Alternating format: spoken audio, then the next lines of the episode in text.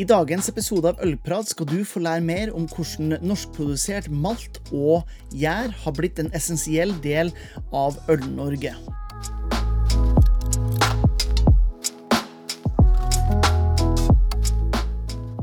Hallo, ølgærninger, og velkommen til nok en episode av Ølprat. Mitt navn er som alltid Jørn Idar, og i dagens episode så har jeg med meg noe som for bare noen få år siden ville vært helt utenkelig, nemlig norsk produsent på gjær og på malt. Før vi setter i gang med episoden, så må jeg jo bare rette en stor takk til alle patrions som støtter podkasten og bidra med et par kronasjer. Det holder lysene på, stemninga god og ølkunnskapen høy. Jeg tenker at eh, nå er det nok snakk. Det er på tide å lene seg tilbake, fyll kaffekoppen, eventuelt glasset med noe høyt skummende, og lene deg tilbake for denne episoden av Ølprat.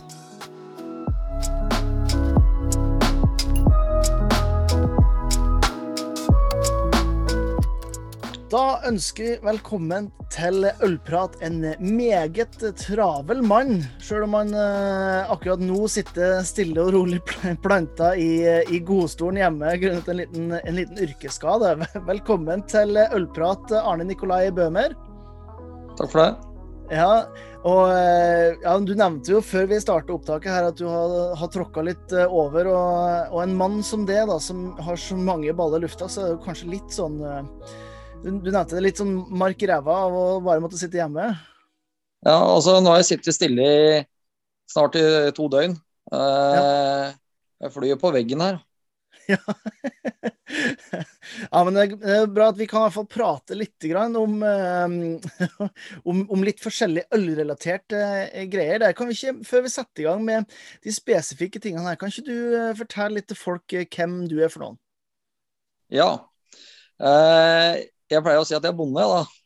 Mm. Men jeg er jo sånn, eh, kanskje en sånn seriegründer, da. Så jeg har jo starta en eh, ølbutikk i sin tid som het Maltmons. Jeg har starta Norsk Malt.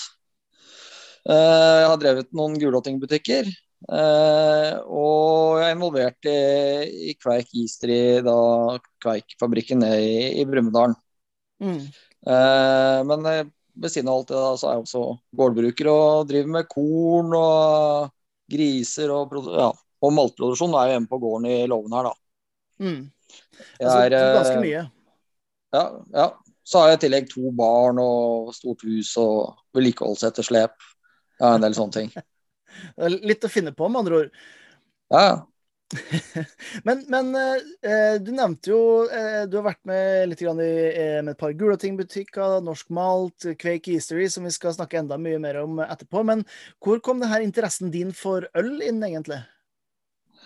Ja, det, den har jeg jo hatt siden jeg var sikkert 16-17 år, den. Mhm. Interessen for øl. Eh, jeg er litt usikker på hvor lenge jeg har brygga, egentlig. Men jeg husker at jeg serverte eh, hjemmebrygga øl i 30-årslaget mitt. Ja. Eh, og nå er jeg 46. Ja. så da har jeg brygga øl en stund. Ja, det, det eh, eh, men eh, når det er sagt, altså den gangen så var jo det ekstraktøl. Så det er først mm. de senere åra at det kom inn på inn på, på malt. da. Men mm. når vi begynte å brygge med malt, og det er jeg også usikker på når det var, men da, da, kjøpte vi en eh, Jeg og noen kompiser vi kjøpte en speidel, og så var det med et, eh, et eh, allgrain-kit der med, med, malt. og da ble jeg, Vi skulle brygge hjem på gården min, og da ble jeg veldig sur. fordi at det, hva pokker var poenget med å dra dette her inn på gården min? For sånn har jeg jo. eh, og da begynte jeg å, å lage malt, da. Og mens de andre mm. sto og brygga en eller annen eh, dobbel eh, IPA eller annet, eh, noe annet lurt, så sto jeg og søla med en bøtte med vann og noe korn og prøvde å få til dette greiene her. Ja, og, og, sånn, det var kanskje den, den bøtta med vann jo, ble kanskje det som i dag er kjent som norsk malt? da?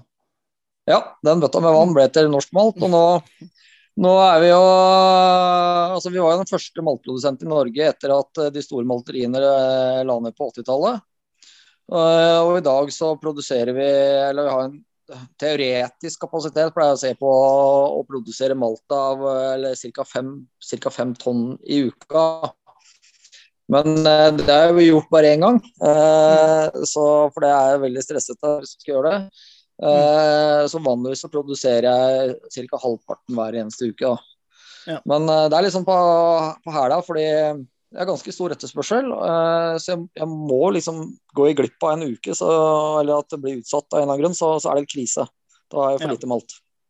Ja. ja, for at eh, jeg har jo nevnt det her eh, i, i, en eh, video som jeg lagde når jeg snakka på bånn gass fra, fra Håndbryggeriet, med den her ja. ganske unike, ikke unike, men den ganske eksplosive utviklinga på tilgang på norske råvarer i, i Norge. Eh, før mm. så måtte alt importeres fra um, Finland, Danmark, Belgia, England og i hele tatt, mens nå får man, eh, nå får man altså grunnleggende råvarer for øl som er produsert mm. i, i, Norge.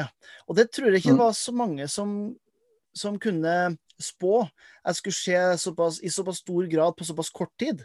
Eh, hvordan, hvordan, hadde reisen vært for, for din det med hensyn til norsk malt? da? Ja, du kan si at når jeg begynte, så var jo dette med malt laget på norsk korn, det var veldig myteomspunnet. Det var jo sånn at eh, det var egentlig en opplest eh, og vedtatt sak, det at det gikk ikke an å lage malt på korn som var dyrka i Norge. Eh, og det var liksom liksom spurte rundt i industrien, og det var, det var, liksom en av grunnene til at de gamle malteriene hadde lagt ned, at uh, kvaliteten på kornet var for dårlig. Mm. Eh, og så tenkte jeg som så at eh, det skader jo ikke å prøve. Eh, og så, ja Så jeg, jeg, bare prøvde. altså det var ingen som kunne noen ting. Det var ingen, ingen å spørre, og det var, ingen, det var, ingen, som kunne noe om malting som jeg klarte å få tak i. Mm. Eh, så reisen har jo vært å måtte, ved prøving og feiling, da. By, og bare begynne seg som med den bøtta med vann, og så ja. blande med korn og styre og finne opp kruttet på nytt og eh, egentlig ja, men når det først eh, det, det, gikk jo veldig sakte til å begynne med. da. De første mm. to årene vi produserte malt, så lagde jeg batcher på 200 kg. Ja. Eh, det er ikke så mye. Så, nei. Men det gikk jo ikke så veldig lenge da, før det, før det begynte å, å, flytte seg ganske mye. Eh, og nå er jeg da liksom, nå er jeg på etterskudd når jeg produserer eh, malt av eller 2,5 tonn i, i uka. da. Mm. Så det har vært en spennende reise. og eh, Det dukker opp flere malterier eh, rundt omkring i Norge, og det syns jeg er veldig bra. fordi eh, det markedet for malt i Norge det er veldig stort. Og alt det vi tre-fire malteriene i Norge klarer å produsere, vil uansett ut, bare utgjøre fraksjoner av det totale volumet. Eh, mm. Og så er vi mye flinkere altså vi, vi kommuniserer mye bedre tre-fire malterier enn det jeg klarer å kommunisere alene til markedet. Ja. Så det at det har kommet på flere malterier, det gjør at eh, flere snakker om norsk malt og norske råvarer. Når jeg begynte, så løp jeg rundt alene og snakket om norsk malt, og noen hørte, og noen hørte ikke, et, eh, hørte, noen hørte ikke etter. Mm. Og så kom jo han opp i Trøndelagen på, og så kom jo malteriet nede i Kongsberg, og nå kommer vi et malteri i, i Stavanger-området. Mm. Eh, og når alle vi fire måte, er ute i markedet og snakker om eh, norske råvarer og norsk malt, så, så, så begynner bryggeriene å høre etter. Mm. Ja, og forbrukerne hører også etter. Ja, nettopp.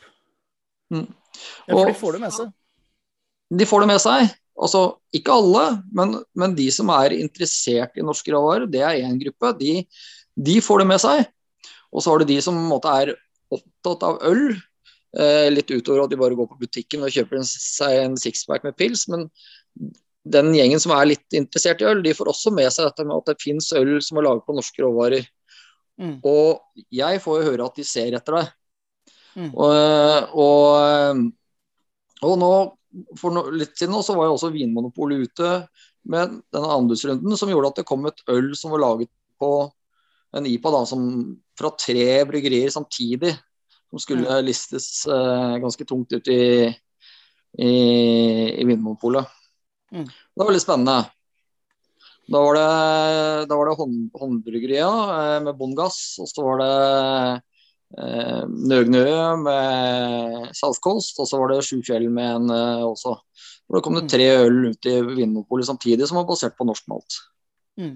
Hadde du sett, noen, en, uh, sett noen effekt av måte, et såpass stort fokus fra Vinmonopolet? Hadde, hadde, hadde hatt noen innvirkning på det som, som malter? Eh, egentlig ikke, fordi eh, altså de, de, ølene som jeg leverte malt til der alene, de utgjør ikke så veldig stor andel av totalvolumet. Men at, det kanskje, at vi ser det på litt sikt, at når Vinmonopolet har gått ut med et anbud hvor det er sagt de vil ha IPA på norsk malt, at uh, det øker fokusen på at det skal være norske råvarer i maltet. Det, det vil det nok gjøre. Mm. Ja, og, og, norsk malt er jo den faktisk, Det må, må jeg innrømme, den kommer jo egentlig i andre rekke i forhold til, eh, til norske råvarer og oppmerksomhet som, eh, som har blitt, eh, blitt, gitt. Fordi at Kveik eh, Jeg har boka rett bak meg her, sånn av mister. Lars Marius Garshol, eh, som tok kveik fra gårdene også inn i stua til oss ølnerder og bryggere, og nærmest eksponerte oss for en helt ny verden. Og så plutselig så kommer man over noe som heter Quake Yeastery. Um, og der har du jaggu med en liten finger med i spillet også. Hva, kan ikke du fortelle litt om hva er Quake Yeastery for noe? Ja, altså Quake Yeastery er en, det er en bedrift som skal produsere kveik tø, uh, som tørrgjær. Mm. Uh, det, det, er en Jeg kaller det en fabrikk, jeg, faktisk. Ja. Det er en liten fabrikk Eh, som eh, jeg og en som heter Øystein Bakken Wold eh, bestemte oss for å prøve å få i gang. og det, vi, vi, begynte det prosjektet her for jeg vil si at det er tre og et halvt år siden. Ja. Mm. Og Da så vi på at uh, vi drev Maltmons, uh, den hjemmebryggerbutikken, og den uh, gikk ikke så bra som vi hadde håpet at den skulle gjøre. Og så så vi oss om etter noe som, vi, kun, som kanskje kunne være litt større potensial for. da. Og Da falt vi ned på at vi skulle se på om vi kunne produsere kveik, så tørka kveik for salg i det internasjonale markedet. Mm. Uh, og Derfra og fram til nå så er det jo en veldig lang historie. fordi uh, For det første så uh, Altså vi, vi, vi, brygga jo med kveik sjøl, og vi tørka kveik sjøl. Mm. Og gjenbrukte den. Og så så vi for oss at det kan jo ikke være så veldig vanskelig å produsere masse kveik og mm. tørke den, og pakke den og selge den. Eh, så vi det regna litt på det, og så gikk vi noen runder og spurte og grov, og så fant vi ut at uh, budsjettet vårt var altfor lite. Mm. Så lagde vi et uh, nytt budsjett, uh, og fant ut at dette her ble sabla dyrt. så vi tenkte at men det er såpass spennende at vi tror at dette her lar seg gjennomføre, så vi gikk da ut og henvendte oss i investormarkedet. Eh, akkurat da så var det jo et voldsomt fall i produksjonen for eh, disse mikrobryggeriene rundt omkring i Norge. Og mm. det var liksom ikke noe kapital å hente blant de etablerte håndverksbryggeriene i Norge. De slet med økonomien sjøl. Eh, så vi gikk flere runder med flere typer investor for å få tak i kapital til det prosjektet her. Mm. Uh, og endelig var først uh, rundt juletid i fjor så var kapitalen på eller alle kapitalen på plass. da. Mm. Uh, så nå snart ett år og tre-fire måneder siden. Ja. Kapitalen var på plass. Og, og, det ble da altså starten på, på Quake History? Ja. Der, der vi lurte veldig på hva vi skulle kalle selskapet. Da. Så det måtte jo hete noe med Kveik. Og så eh, gjærfabrikk kunne vi jo kanskje ikke hete hvis vi skulle eh, henvende oss til det internasjonale markedet. Eh, eh, men så, så, fant vi opp et eget ord da, som var ja. yeastery. Den for bakery, ikke sant, så har vi et yeastery. Ja, ja. Det syns jeg er litt eh, kult. Men det er, det er ikke noe lett å det er ikke så lett å kommunisere foreløpig når man ikke har eh, folk ikke er vant til å høre, høre ordet. Nei, ikke sant. Og, men ja, for det, det, du tar frem der, er jo en eh, litt sånn viktig ting å være klar over. Når jeg f.eks. som hjemmebrygger kjøper kveik på en hjemmebryggerbutikk per i dag, ja. eh, så mm. er det jo eh, det står jo 'Made in Austria', eksempel. Altså det er 'Made ja. in the US'.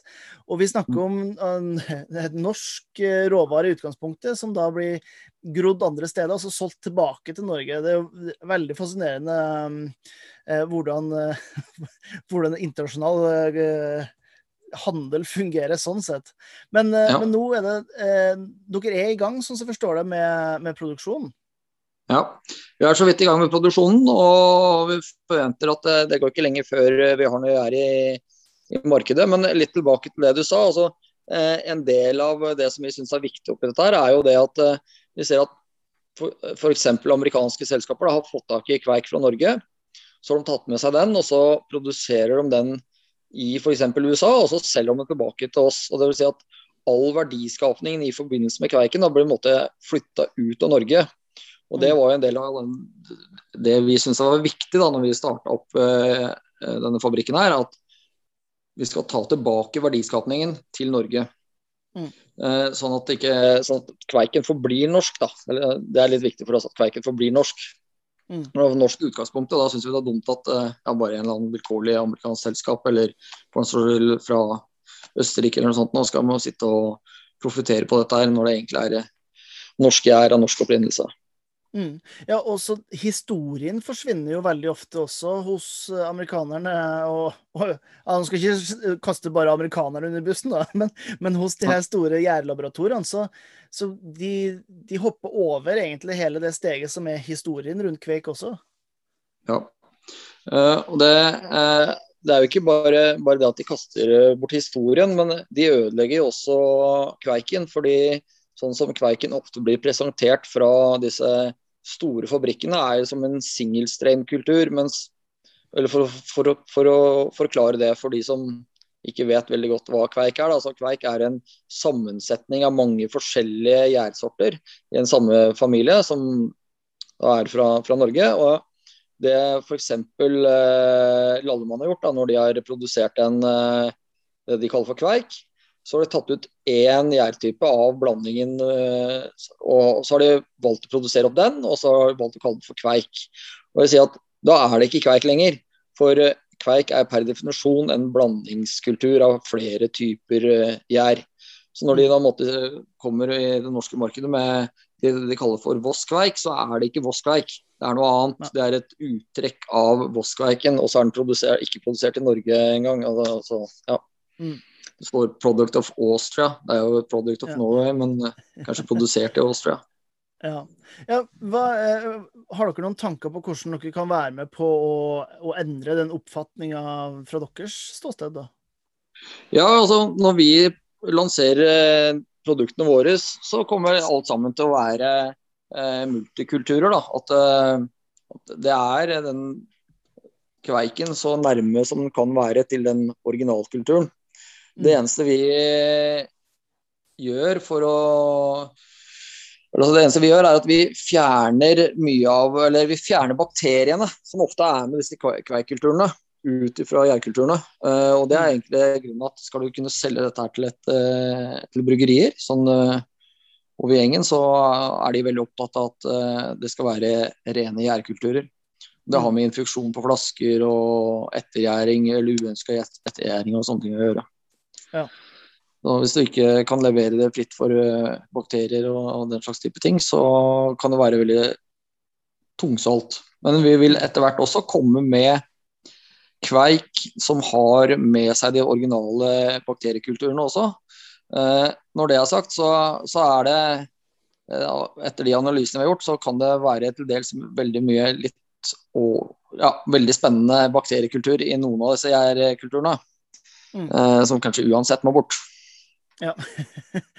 De er litt for kreative, de, de kulturene, kanskje? Ja, altså, det er noen av de bakteriekulturene som er, i, er med i noen av disse kveikblandingene, de er ikke helt sunne. Kan Nei. være, i hvert fall. Mm. Og, og, da tenker jeg, eh, for et jeg har jo vært eh, på malteri, jeg forstår hvordan det fungerer. Jeg har jo vært på humlegård, jeg forstår hvordan det fungerer. Jeg har ikke vært i et gjærlaboratorium uh, og sett, men som en naiv hjemmebrygger så tenker jeg men når man gjærer, så kommer det jo masse gjær på toppen. Kan man ikke bare uh, ta og skumme av litt der, og så putte opp en pakke, og så er det happy go lucky?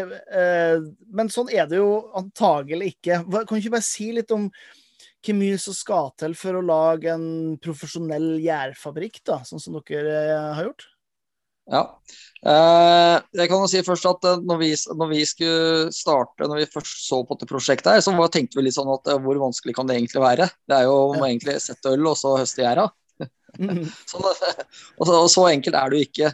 Eh, det er jo veldig Altså alt det man har lært om hva som er rent og hva som er ikke rent, i forhold til bakterier og lakto og alle andre sånne ting. Det, det må man bare mm. glemme oss. Man måtte lære dette her på nytt. Fordi ja. ikke noe av det du trodde var rent, er rent. eh, så det er veldig strenge krav til eh, renhet og sterilisering i alle ledd. Det er det første mm. man, eh, man må tenke på. Og så er det også det at eh, utstyret man trenger for å produsere gjær i en profesjonell sammenheng, da, som at det skal være tipp topp gjær. Den skal være den kommer i posen til deg, sant, så skal du tømme den oppi, så skal du begynne å gjære på 0,7. Mm. Så det å produsere gjær som er ved god helse, er også veldig komplekst. Uh, og uh, vi har jo kjøpt inn spesialutstyr fra fra en eh, leverandør nede i Europa å, som skal hjelpe oss med å produsere selve gjæra. Og så har vi også et uh, bryggeanlegg så vi kan lage vørter til uh, å produsere gjæra på. Uh, og så er det jo en, noe utstyr for å tørke gjær, som også er kostbart og stort.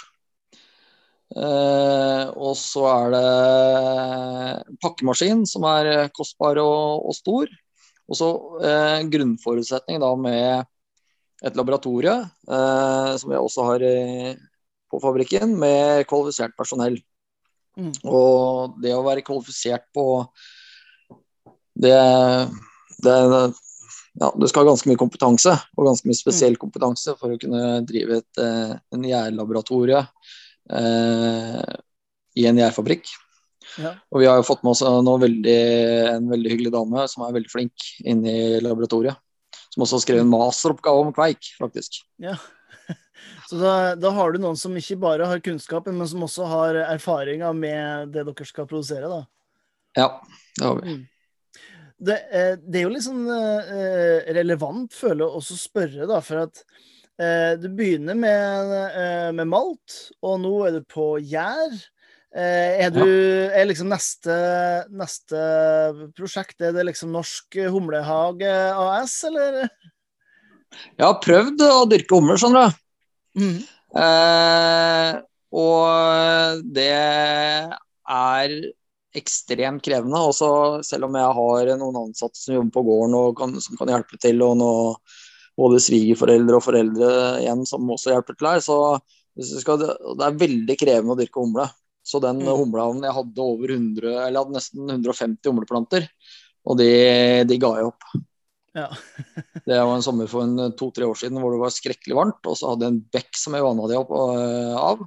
Og bekken gikk tørr, og da, da tenkte jeg at nå må jeg begynne å kjøre vann. Og til slutt så bare, og så, da hadde jeg brukt så mye energi og ressurser på at uh, da klarte jeg ikke mer. Da la jeg ned. Nei. Den uh, humlesatsinga. Eh, når det er sagt, da, så er det veldig spennende kunne, om noen kunne dra i gang en, eh, en humleproduksjon. Jeg hadde gladelig hjulpet til eh, på dugnad jeg, hvis noen hadde lyst til å, å gjøre det. Eh, mm. Men det kreves ganske mye ressurser og mye innsats, mye tid, mye utstyr for å, for å få det til. Og så er det jo sånn at ja, du kan sikkert produsere noen norske lokale varianter av humle. Men uh, du vil aldri kunne konkurrere med amerikanerne eller tyskerne eller uh, for den saks skyld New Zealand og Australia på, på, det de driver med på humlefronten. Fordi ja. de har kommet veldig langt i utviklingen av humle. Og i, altså er det jeg kan si at For å utvikle nye humletyper, det er veldig lange løp mm. eh, som koster uhorvelig mye penger. Så jeg tenker ja. at Hvis du skal utnytte en hvis du skal utvikle en ny humletype som er, er designa for norsk eh, vær og vind, mm. som gir et eller annet spesielt, så snakker vi 10 millioner kroner i investering. Ja, ikke sant. Ja. Altså, det, er ikke, det, er ikke, umiddelbart en realistisk uh, ting å gjøre. Men det, det, kan man jo kanskje si om uh, norsk malt også, for ti uh, års tid siden. Det var ikke så mange som trodde det og heller var realistisk, så, så hvem vet? Nei, det var ingen. det, det, tror du er helt rett, det. Hva, for den gjengse øldrikker, ja. hva, hva, hva du tror at norske råvarer har å, å si for dem. Tror du at uh, det vi ser nå, er starten på noe som kommer til å utvikle seg til å bli Eh, noe som får et veldig stort fokus i framtida, eller tror du det kommer til å være en, en del av en, en nisje fortsatt, om fem til ti år f.eks.? Det kommer nok til å være en del av en nisje også om fem til ti år. Uh, og årsaken til, til, det er det handler om økonomi.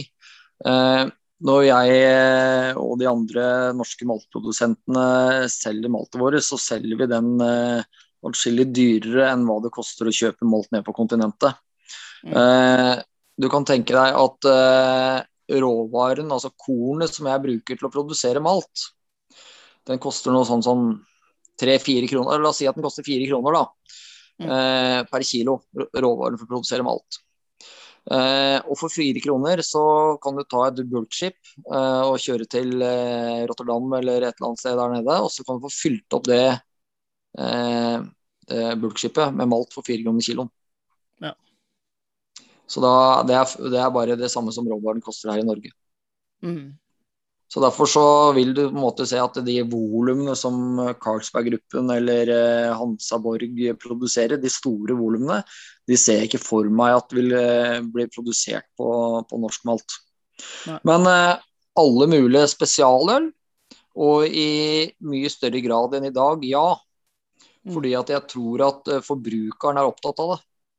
Ja. Og det blir jo hele tida mer fokus på norske råvarer og norsk opprinnelse og hvor ting kommer fra. Eh, og dette ser man i alle ledd, altså om du er i dagligvare eller på kjøper eh, pinnekjøtt eller eh, hamburger eller salat eller hva som, så er det veldig stor fokus på opprinnelse, hvor ting kommer fra. Det, hvis du husker i jula nå, så var det så mye skrik og skrål rundt, at det var, rundt ribba som var importert. ikke sant? Ja. Plutselig var det tysk ribbe som det sto norsk produkt, men eh, at grisen var fra Tyskland og ja, ikke sant. Mye sånne ting. Ja. Og all den fokusen her, den kommer også over på øl. Mm. Uh, og det vil det at man produserer på norske råvarer, det vil være salgsutløsende for uh, bryggeriene. Mm. Uh, det er det ingen tvil om. Uh, og så er det opp, litt opp til oss som driver malterier, da, å drive den prosessen her uh, framover. Sammen med sånne som deg, f.eks. At vi er ute og, og prater om, uh, om, norske råvarer. Mm.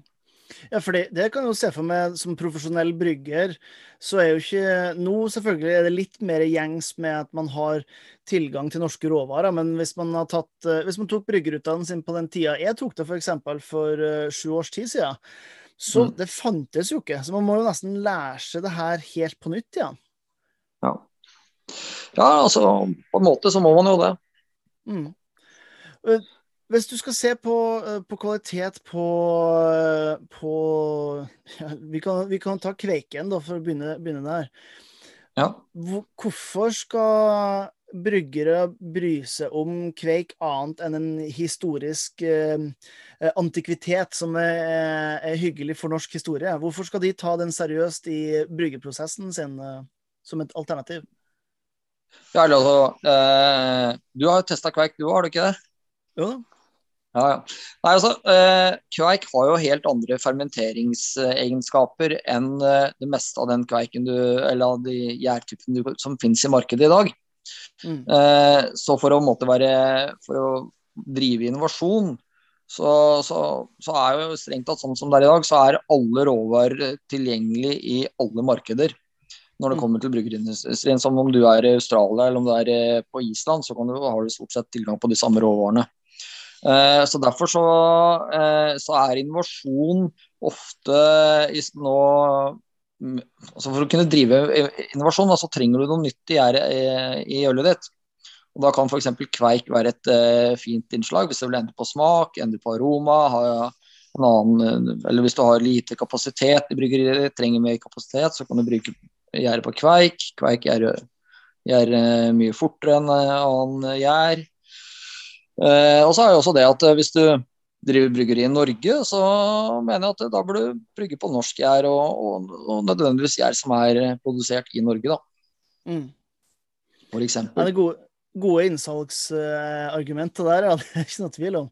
Men hva med, hva med, hva med norsk malt? Jeg hadde jo et, eh, et, eh, kurs med Eller en liten samtale med Edvard fra, fra Nøgnø. Og Nøgnø var jo en sånn bastion for Thomas Fåseth sin uh, Marris åtter. Det husker jeg når jeg begynte å brygge, at det, det var jo på en måte den hellige gral av uh, malt. Um, ja. Men hvorfor skal, hvorfor skal man gå bort fra på en måte den hellige gral, sånn som de har gjort, og så begynt å, å, brygge med ditt korn i stedet? Hva er det det gir, ja. da? Nå er jo fremdeles Thomas Fawcett eh, det, det, de eh, bruker mest av der nede, mm. eh, på Nøgnø. Eh, sånn at eh, jeg står jo bare for eh, en viss prosentsum av det totale volumet deres. Men mm. det har jo gått sakte, men sikkert oppover. Altså, jeg har inntrykk av at jeg er veldig godt fornøyd med det måltidet jeg, leverer. Thomas eh, gullsmalta er jo nærmere det vi leverer i pris enn det, enn det f.eks. vikingmalt er. Sånn at prisforskjellen er ikke så stor. Men så er det jo også det at når maltet er laga i låven min, så er det et annet malt enn Thomas Fawcett, og det er et annet malt enn uh, vikingmalt. Det gir egne smaker og egne aromaer i maltet. Og så se, som de liker. Og så ser jo de også det at det er salgsutløsende at de brygger på, eh, på norsk malt. Mm. På norske råvarer. Eh, og det har det jo vært siden de brygget det første ølet på norsk malt. Altså, eh, når de brygget det første, det som jeg solgte malt til dem først, da, så lagde de noe som het Norsk høst. Jeg vet ikke om du husker det jo, ølet?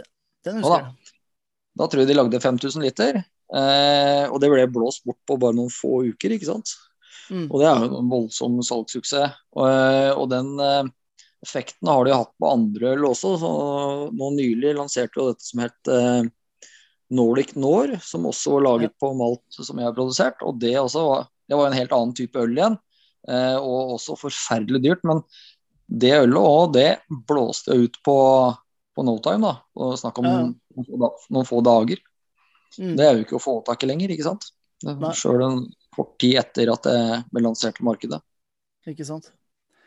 Nei, det, det, er ikke noen tvil om det. Jeg, jeg, tror du er inne på et godt poeng der også, med at det, det er salgsutløsende. Og, og eh, uavhengig av hvor naiv vi kan være i Norge, men så kommer det jo til syvende og sist ned til kroner og øre. For at eh, vi skal jo leve av det også. Så hvis man kan eh, gjøre det ved å støtte norsk næringsliv, eh, bruke norske råvarer og, og prøve å hente tingene litt mer eh, hjem, da, på en måte, så er jo det en, en positiv for de aller fleste delene av, eh, av, av næringskjeden, vil jeg, vil jeg påstå.